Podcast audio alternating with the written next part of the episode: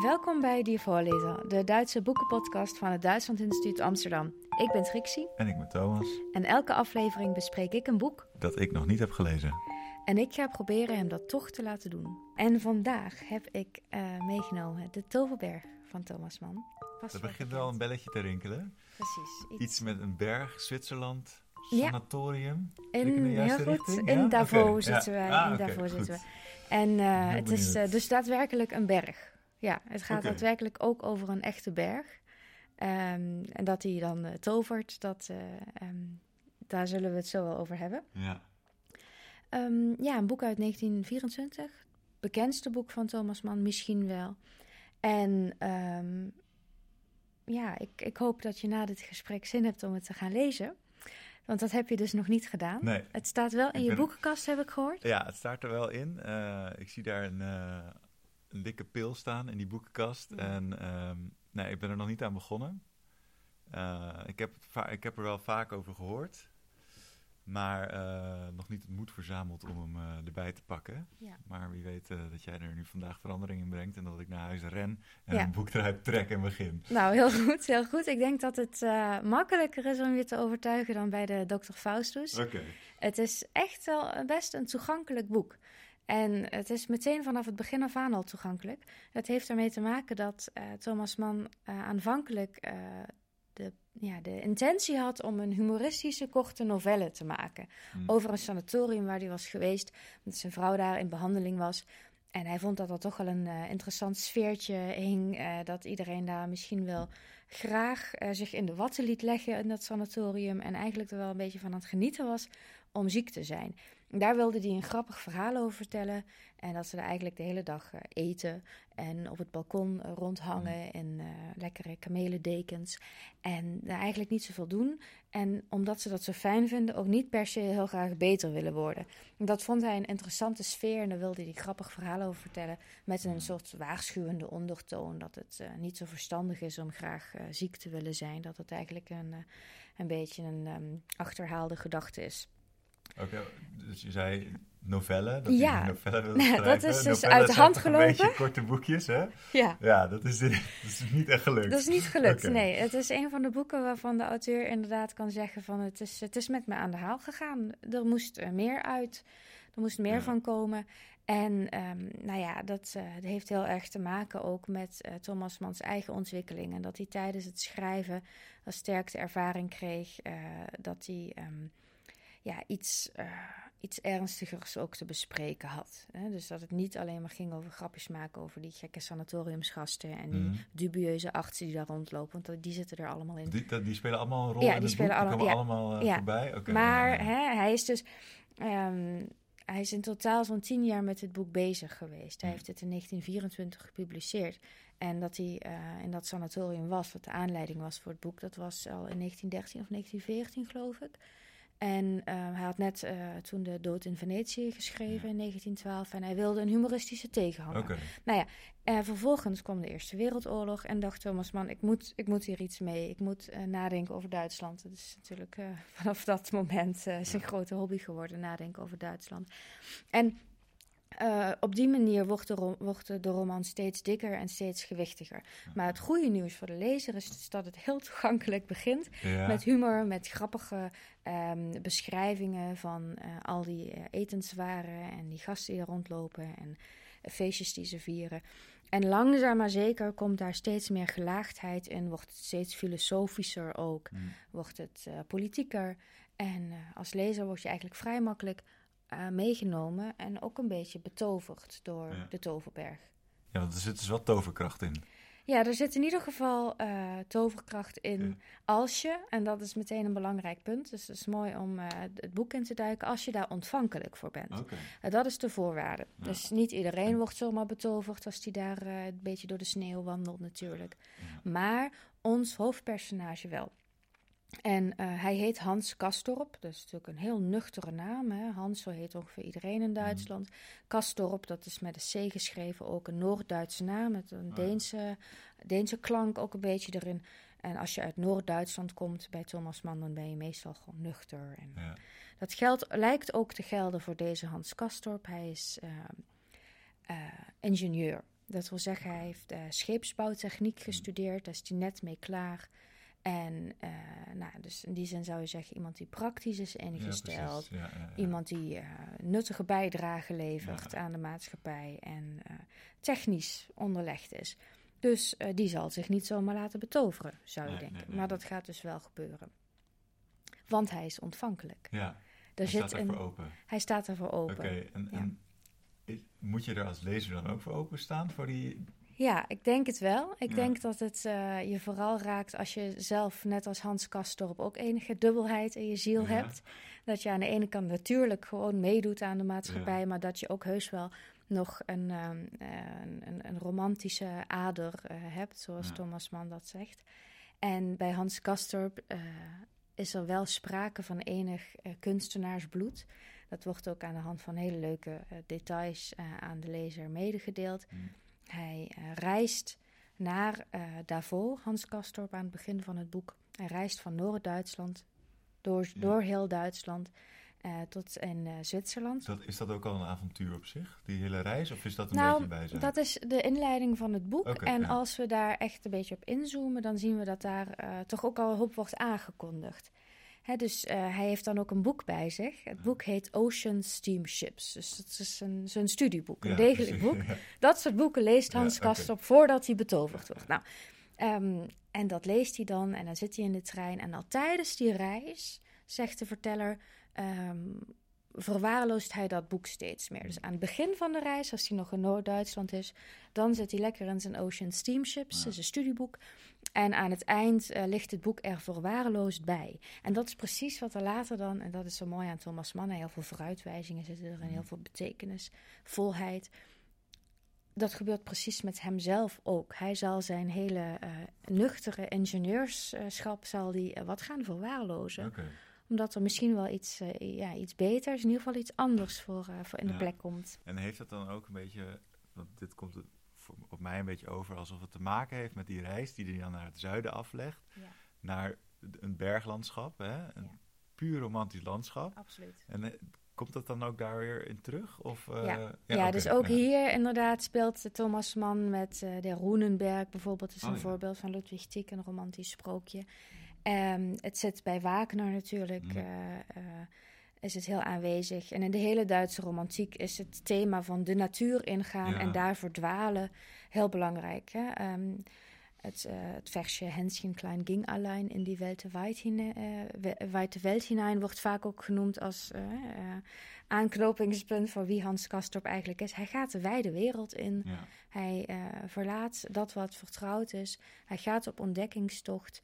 En ehm, hij ontmoet heel interessante mensen. En hij eh, leert zichzelf kennen. Hij ontwikkelt zichzelf ook.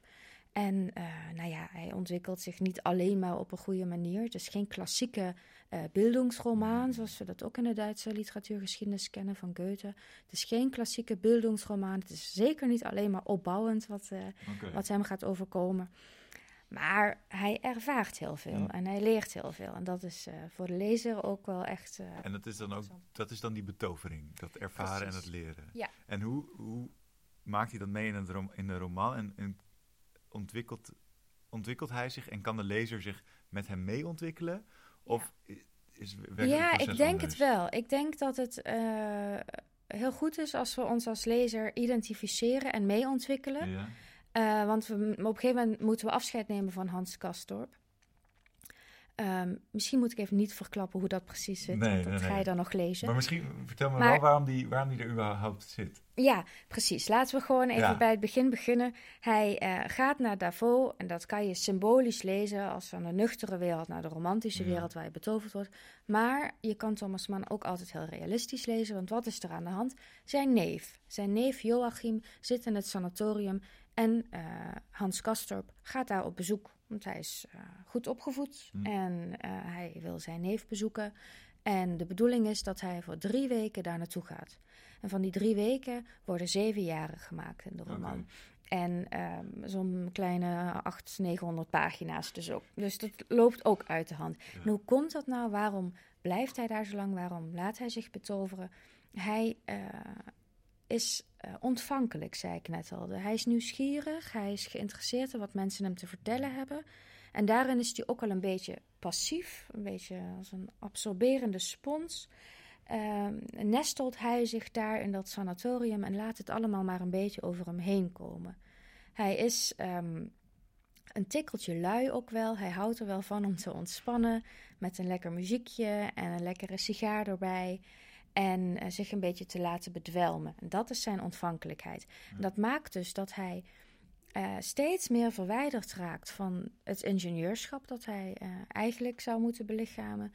En steeds meer thuis raakt in uh, die een romantische wereld waarin mensen ziek zijn, ziek mogen zijn, ook een beetje opscheppen met hoeveel koorts ze hebben gehad vannacht. En de mooiste thermometers verzamelen en um, allerlei andere geintjes verwerkt Thomas Manderen.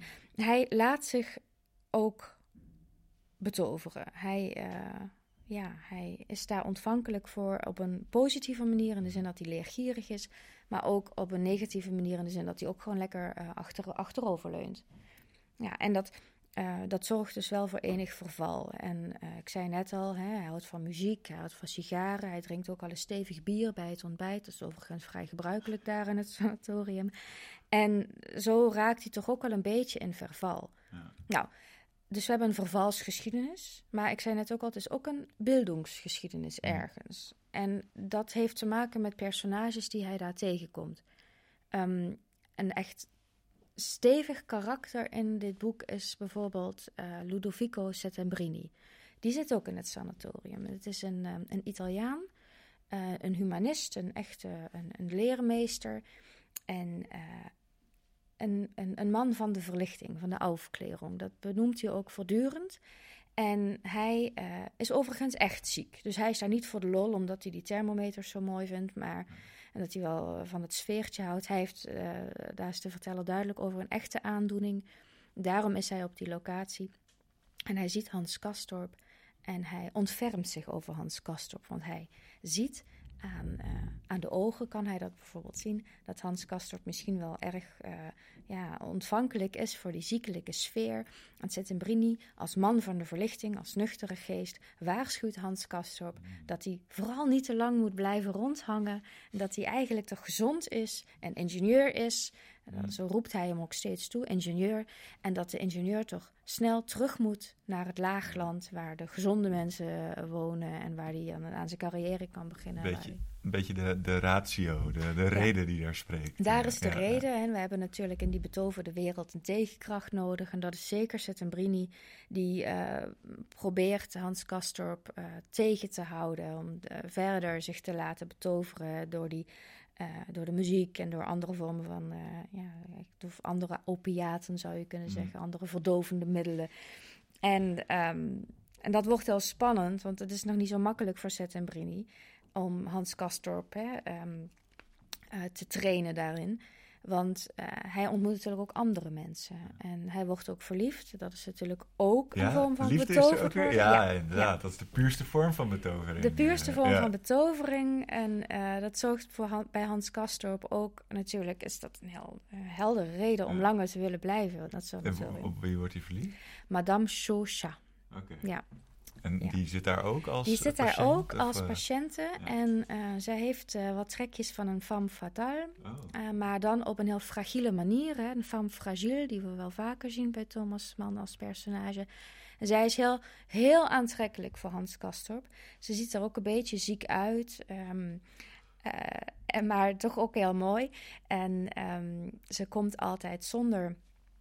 Uh, zonder de deur netjes te sluiten komt ze de kamer binnen, de ontbijtzaal in. Dan valt de deur hard achter haar in het slot. En dan schrikt iedereen op. En dan is Madame Chauchat gearriveerd. En Hans Kastorp is eigenlijk meteen in de ban.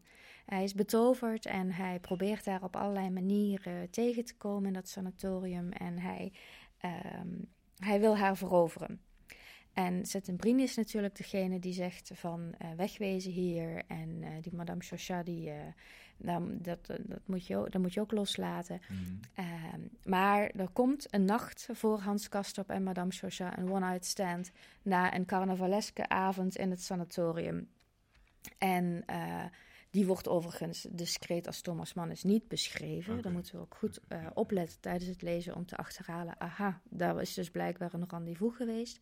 Eh, Madame Chauchat zegt, eh, je moet zo meteen even ehm, dat potlood dat je van mij geleend hebt, dat moet je zo even komen terugbrengen naar mijn kamer. En dat knipoog. impliceert... En daarna wordt dan door de verteller in het volgende hoofdstuk Ja. inderdaad geïmpliceerd ehm, eh, dat eh, Hans Kastrop ervaringen van het lichaam heeft opgedaan. Hè? Dus dan, als je dat dan allemaal combineert, dan weet je, aha, dat Ja. was dus op dat moment toen hij zijn potlood kwam terugbrengen. Toen is er dus iets gebeurd. Nou, ehm, Thomas Mann moet daar altijd eh, terughoudend in zijn van zichzelf. Ehm, dat is Madame Chauchat. Zij betovert hem en eh Settembrini probeert hem te beschermen met zijn verlichting. En dat doet hij op allerlei grappige manieren.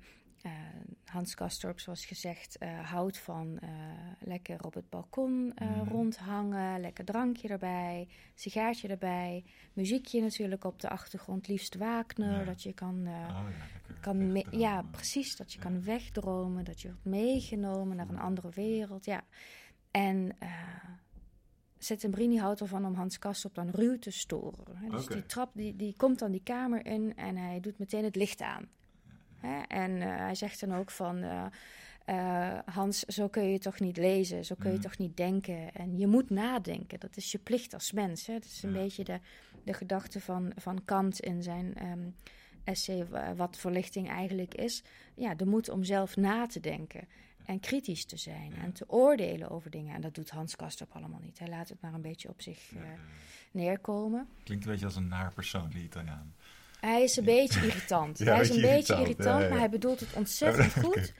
En hij heeft natuurlijk ook wel gelijk, want Hans Kastrop laat zich ook meeslepen en eh, eh, verliest zichzelf ook. Ehm, dat verliezen, dat is een centraal thema ook in het Mm. boek. Hij eh, verdwaalt eh, één keer letterlijk. En dat is ironisch en eh, paradox ook wel. Dat Settembrini hem eigenlijk aanzet daartoe. Dat, Tot het verdwalen? ja, niet letterlijk. Maar Settembrini zegt tegen Hans Kastrop van ja, jij zou eens een keer een stukje moeten gaan skiën. Dan merk je ook hoe gezond je bent en dat je een gezond lichaam hebt en dat je hier eigenlijk niet tussen al die zieke mensen thuis hoort. Dus ga maar eens lekker een tochtje maken.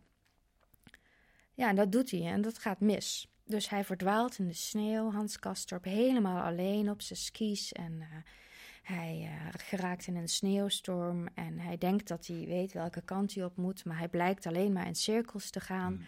Dat is ehm, prachtig beschreven ook. En dan gaat hij op een gegeven moment eh, schuilen bij een, ehm, bij een hutje dat hij vindt.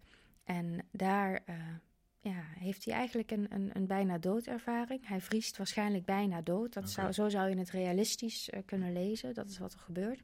Hij heeft een droom. En die droom staat bekend als de sneeuwdroom in de roman. En tijdens die droom ehm, ziet hij prachtige beelden van een prachtige beschaving. Maar aan de achterzijde van de beschaving ook iets duisters. Iets dat hem doet denken aan verval en narigheid. En tijdens die droom wordt hem dus duidelijk dat het licht en het donker bij elkaar horen, maar dat je uiteindelijk voor het licht moet kiezen. En die droom is natuurlijk een soort van miniatuur van wat er in die hele Toverberg gebeurt. Er is een ehm, donkere aantrekkingskracht. Hè? En, ehm, bij Nietzsche heet dat het Dionysische. Ja. Hè? En bij Thomas Mann eh, neemt, heeft dat van, bij Nietzsche vandaan. En daartegenover staat een verlichting Ja. de lichtheid van het leven. En Hans Kastorp ontdekt dat achter die lichtheid zit die duisternis. Het een heeft met het ander te maken. En ergens op die, eh, op die berg, in de sneeuw, Mm. komt Hans Kastorp tot het aller, allerbelangrijkste inzicht dat er bestaat, zou je kunnen zeggen. En ehm, ik heb dat even in het Duits, wil ik dat Oh graag ja, even fijn. voorlezen. Ja, ja, ja. äh, luidt als volgt: Der Mensch soll um der Güte und Liebe willen dem Tode keine Herrschaft einräumen über seine Gedanken. Dus de dood mag geen heerschappij hebben over mijn gedachten, vanwege het goede en vanwege de liefde. Maar- En als je dus de hele tijd bezig bent met donkere dingen en ziek zijn en uh, sympathie hebben met de dood, wat Hans Kastrop een beetje doet, hè, als hij daar zo graag in die zieke sfeer rondhangt, dan moet je uiteindelijk, vindt Hans Kastrop in de sneeuw, dat geen heerschappij geven over je leven. Oké. Dus niet, als ik dit nu zo luister, het, het, klinkt allemaal, het klinkt heel interessant en ik, als ik, we zijn nu nog, nog bezig, maar uh, je hebt me eigenlijk nu al overtuigd van het feit dat ik het moet gaan lezen. Ja, super. Ja, dus dat is al, dat is al gelukt. Uh, maar als ik dit zo hoor, dan denk ik ook wel een beetje. Um, hij wil dus. Uh, die hij is zich bewust van het feit dat hij doodgaat op een gegeven moment. Of, of interpreteer ik het dan verkeerd? Ik denk niet dat hij zich bewust ervan is dat hij doodgaat, maar hij heeft altijd een zekere sympathie met de dood en met het zieke, ja. met het zwakke in de mens. Okay. En Setzembrini zegt: moet je nu mee ophouden, moet je mee kappen, is niet goed, is niet gezond. Kies voor de verlichting. Hans Kastorp luistert daarna, luistert naar Settembrini, verdwaalt in de sneeuw en komt tot de conclusie: die dingen horen bij elkaar. Het donkere en het lichte. En ik heb sympathie met de dood en de duisternis. En hij geeft daar een draai aan. Hij zorgt dat die twee dingen bij elkaar komen. Dat doet hij bijvoorbeeld door de doodzieken van het sanatorium te gaan bezoeken. Bezoekjes te brengen en zijn mensenliefde te tonen. En zijn, uh, zijn ontvankelijkheid op een goede manier in te zetten. Ja. Dat klinkt wel heel positief nu, want ik moet er wel bij zeggen: Hans Kastorp komt uit die uh, sneeuwdroom terug en hij is vergeten wat hij heeft geleerd. Hij okay. is vergeten, en dat is ernstig, want ja. Thomas Mann heeft deze zin cursief in zijn boek gedrukt. En Hans Kastorp, onze, uh, onze protagonist, is vergeten wat Thomas Mann hem hè, cursief heeft laten zeggen. Dat wil dus zeggen dat wij daar iets mee moeten. Hè, onze, onze protagonist is het vergeten, dus wij moeten dat op de een of andere manier oppakken en daar iets mee doen. Nou goed, er is, er is maar nog is, veel. Is dat dan voor jou ook een beetje de les uit het boek? Dat je het, het goede en het, of het duistere en het lichte naast elkaar moet blijven zien?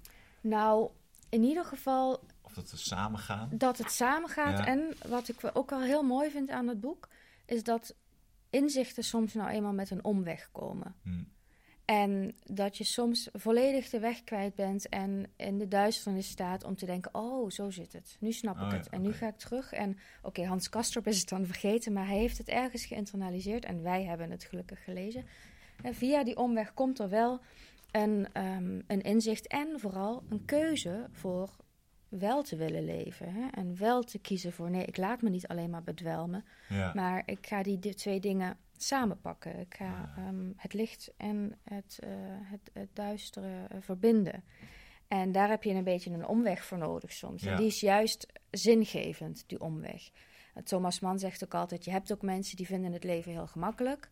En eh, die gaan er gewoon voor en die denken verder nergens over na. Hm. En dat is, ehm, dat is voor Thomas Mann niet zo interessant. Thomas Mann houdt ervan als je eh, eh, af en toe ook ehm, eh, ja, de moeilijke kanten leert kennen. Door een rouwproces gaat, op de bodem van de put ligt. Dat hij overigens in zijn Jozef-romans heel mooi ook tot een prachtig verhaal weet te breiden. Dat je soms op de bodem van de put ligt en van die bodem als het ware kunt opstaan. Dat je die, ehm, eh, die wanhoop heel goed kunt gebruiken om eh, te ontstijgen, om daar weer eh, te herreizen eigenlijk. Oké. Dat is ook een beetje dialectisch. Ja. Ja. Nou ja, Ja. Ik, ik zei het zojuist ook al. Ik, je hebt mij ehm, overtuigd om het te gaan lezen. Eh, en dat, dat begint eigenlijk al omdat het, het komt op mij heel humoristisch over helemaal. eh, eh, het begin van het boek. Dat Ja. is één deel waarom, ik het, waarom het mij aanspreekt. Maar wat het me ook aanspreekt, is omdat ik zelf ehm, geïnteresseerd ben in dat romantische juist. Dat, die Duitse romantiek. Dat, Jij bent dat zelf me- ook al wat ontvankelijk voor dat Precies, voor de, voor de tovenarij. Ja, Ja. ja, ja. Eigenlijk, de, de, de- je zou het fantasy kunnen noemen, maar Ja. die, die, die tovenarij, dat spreekt mij ook wel aan. En ehm, En jij moet natuurlijk uiteindelijk ook op het rechte pad blijven. Dus dat is dan misschien wel goed. ja, en Ja. als ik zo hoor hoe die Kastrop eh, daar in dat sanatorium een beetje aan het eh, chillen is, dan Ja. eh, dat, dat lijkt me dat ook wel leuk. Dat een beetje Oh, daar eh, in, in Zwitserland zitten tussen de bergen, een goed glas bier bij het ontbijt. Ja, je Nou, begrijpt het fantastisch. Wagner op de achtergrond. Ehm, ja, dus nee, het spreekt me echt, het spreekt me echt aan en ik ga het boek zeker lezen. Mooi. Nou, Ja. ik heb nog lang niet alles verteld. Er zijn nog personages die ook heel belangrijk zijn. Ja, En die komen dan later in het boek.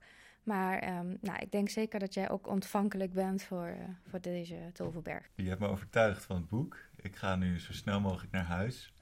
Vlucht ik uit het muffige kantoortje en dan waan ik me in de fantastische schone lucht van de Zwitserse Alpen. Met Thomas Mann, eh, de Toverberg natuurlijk. En eh, dan wil ik deze aflevering afsluiten. Ik ben eh, heel benieuwd naar wat je ervan vindt. En we spreken elkaar gauw weer over het volgende boek. Ja, heb je al een idee wat het wordt? Ehm, nee, jij? Wat heb je nog staan? Nee. Ehm, wat, wat ik altijd voorbij zie komen en wat, ik, wat me wel aanspreekt, maar wat ik nog niet open heb geslagen is eh, ofwel de Man ohne Eigenschaften Ja.